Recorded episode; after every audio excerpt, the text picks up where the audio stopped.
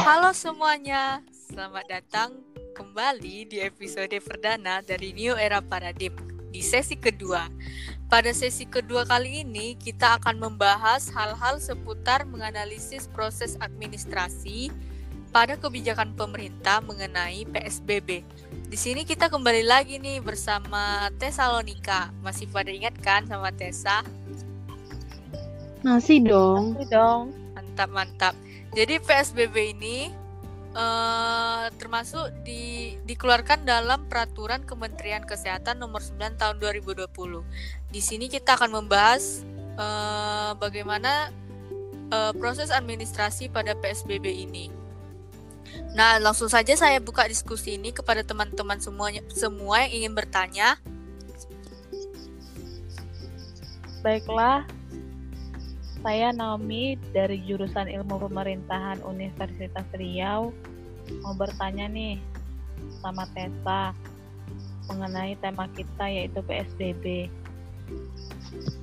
Hmm, apakah PSBB merupakan keputusan yang tepat? mengingat dampak yang ditimbulkan itu sangat besar, bukan hanya dari segi sosial, tapi dari segi ekonomi. Dan bahkan kita sama-sama tahu bahwa Indonesia hampir masuk ke jurang resesi. Terima kasih. Oke, makasih buat teman-teman yang bertanya. Naomi.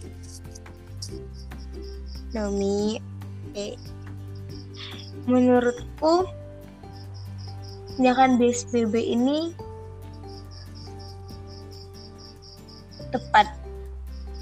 Sebenarnya kenapa? Karena dengan adanya ini harusnya ya harusnya diharapkan bisa memutus penyebaran virus corona ini. Tapi ya walaupun begitu banyak nih. Sekarang masyarakat kan kita lihat aja banyak yang nggak mengikuti peraturan protokol kesehatan, terus tidak disiplin, pergi keluar rumah sembarang, tidak pakai masker. Dan saya rasa mungkin ini ada pengaruh dari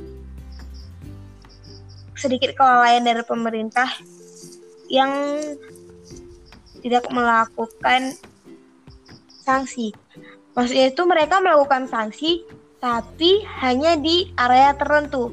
Misalnya ketika kita pergi ke kota, nah di situ kita baru melihat ada sanksi yang dikenakan jika masyarakat tidak pakai masker. Tapi untuk di beberapa kelurahan di dan kecamatan ada yang bebas-bebas aja nih. Ada yang nggak pakai masker tapi nggak ada dilakukan sanksi seperti itu.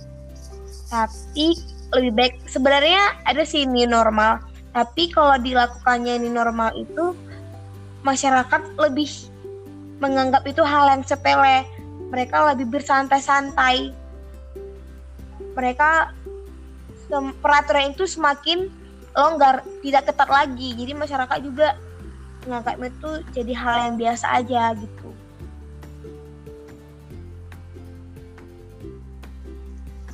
Gimana dengan Naomi?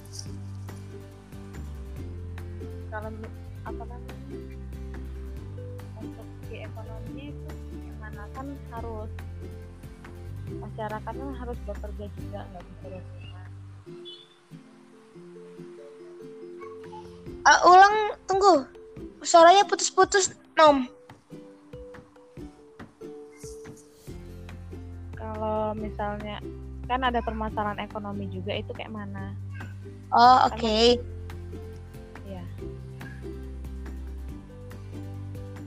kalau masalah ekonomi ya memang tidak bisa kita pungkiri ya. Banyak masyarakat yang sekarang ini mengalami kesulitan dan kita rasakan lah penurunan itu sangat drastis jauh sekali kan. Bahkan kita sendiri merasakan melalui orang tua kita gimana juga. Tapi hal ini dilakukan untuk menyelamatkan keadaan ekonomi negara kita jadi negara mengambil kebijakan ya untuk menyelamatkan negara. Bukan berarti mereka tidak peduli kepada masyarakat. Tapi kan banyak nih masyarakat yang bandel juga yang nggak mau ikuti peraturan. Nah kalau di ekonomi itu kita sebagai generasi muda bisa tetap produktif walaupun di rumah aja. Kita bisa melakukan kegiatan-kegiatan yang positif meski dari rumah dan itu menghasilkan uang, menghasilkan pendapatan yang bisa kita bantu, yang bisa kita gunakan untuk membantu perekonomian negara eh sorry untuk membantu perekonomian keluarga kita. Jadi meskipun di dalam rumah kita harus bisa menjadi uh, orang yang produktif itu. Gimana Naomi? Oke, jadi intinya harus lebih produktif lah ya di rumah. Makasih ya. jawabannya Teta. Sama Nomi. Baiklah, saya buka kembali diskusi kali ini. Mungkin pada teman-teman yang ingin bertanya, saya persilakan lagi. Baik, halo Tessa, salam kenal ya. Perkenalkan, nama saya Ripka Kristina Pakpahan. Uh, saya ada sedikit pertanyaan nih jadi pertanyaannya adalah penerapan PSBB bagi pelanggar akan dikenai sanksi administrasi. Nah, apa sih maksud dari sanksi administrasi tersebut? Oke, makasih Ripka. Nah, jadi sebelumnya uh, kita mau jelasin dulu ya perbedaan kan di dalam negara itu kalau masyarakatnya melakukan pelanggaran pasti ada sanksi kan ada sanksi pidana juga administratif nah perbedaannya nih kalau sanksi administratif itu lebih ke hal kecil berupa teguran nah sementara kalau sanksi pidana itu lebih ke hal yang berat dan harus dilakukan pengadilan. Nah, di sini kita bahas administrasi administrasi eh sorry di sini kita akan bahas bagaimana sanksi administrasi itu berupa teguran tertulis atau lisan dan yang kedua itu pembubaran atau penghentian sementara kegiatan.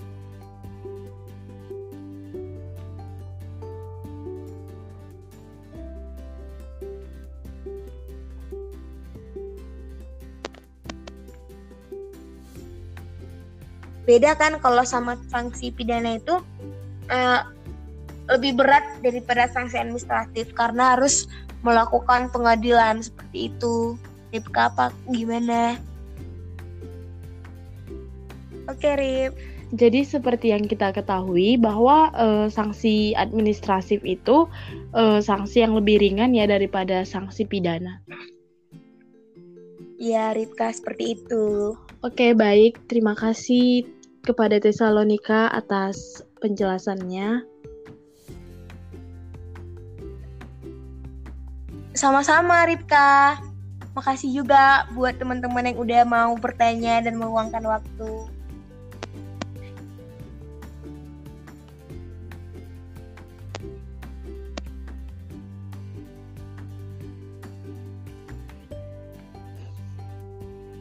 Oke, terima kasih kepada Rika yang telah melontarkan pertanyaannya dan mau berdiskusi pada malam hari ini.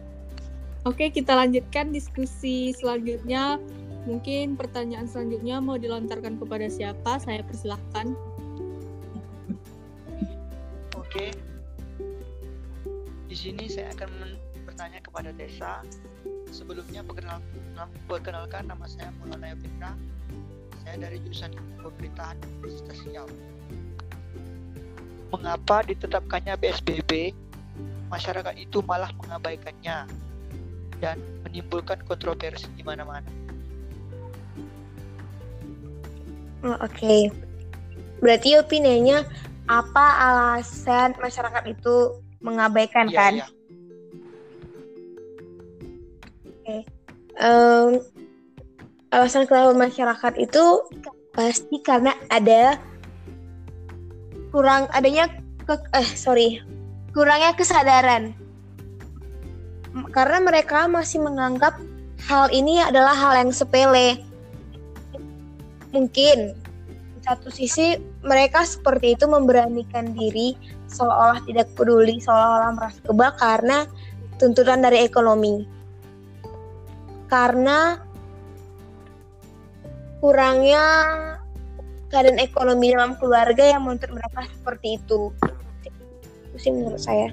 Begini, kalau misalnya eh, gara-gara faktor ekonomi, mengapa pemerintah tidak mengambil tindakan untuk masyarakat? pemerintah sudah mengambil tindakan. Uh, sama seperti yang kita lihat bersama itu adalah anak-anak KIP. Itu kan difasilitasi. Terus keluarga yang miskin. Ya terus uh, yang mendapatkan kartu keluarga harapan. Nah, juga bagi bagi orang-orang yang membuka usaha mikro jadi pemerintah itu memberi bantuan kepada masyarakat yang memiliki kartu KIP, terus uh, yang memiliki kartu PKH dan juga yang mengikuti UMKM seperti itu. Oke Tessa, terima kasih. Sama-sama. Oke, terima kasih kepada Maulana yang telah melontarkan pertanyaannya dan mau berdiskusi kepada narasumbernya yaitu Tessa. Selanjutnya saya persilahkan mungkin kepada pertanyaan terakhir kepada Elia. Mungkin mau melontarkan suatu pertanyaan? Uh, Oke, okay. perkenalkan nama saya Elia. Di sini saya mau bertanya. Uh, dari tadi kan kita udah bahas nih, uh, mungkin sebab akibat dari PSBB dan uh, sebagainya. Di sini saya mau bertanya, organisasi apa sih yang terlibat atau pemerintah cabang mana yang terlibat dalam membuat peraturan PSBB ini? Oke, terima kasih Elia sebelumnya buat pertanyaannya. Sama-sama yang kita tahu itu kan pastilah pemerintah itu ikut, yaitu seperti gubernur dan Kementerian Kesehatan. Kalau masalah mereka ada di mana, itu di cabangnya legislatif.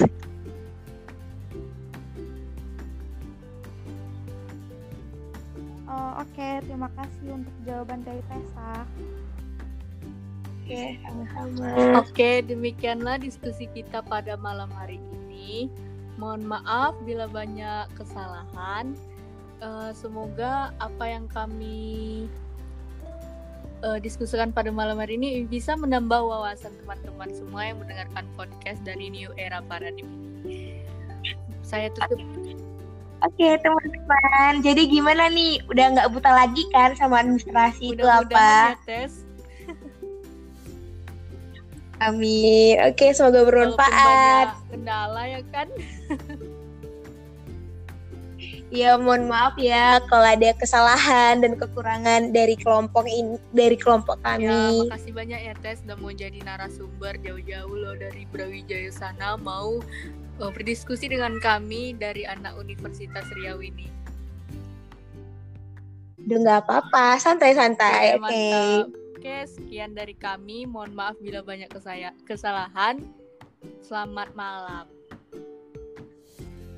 Malam, makasih ya.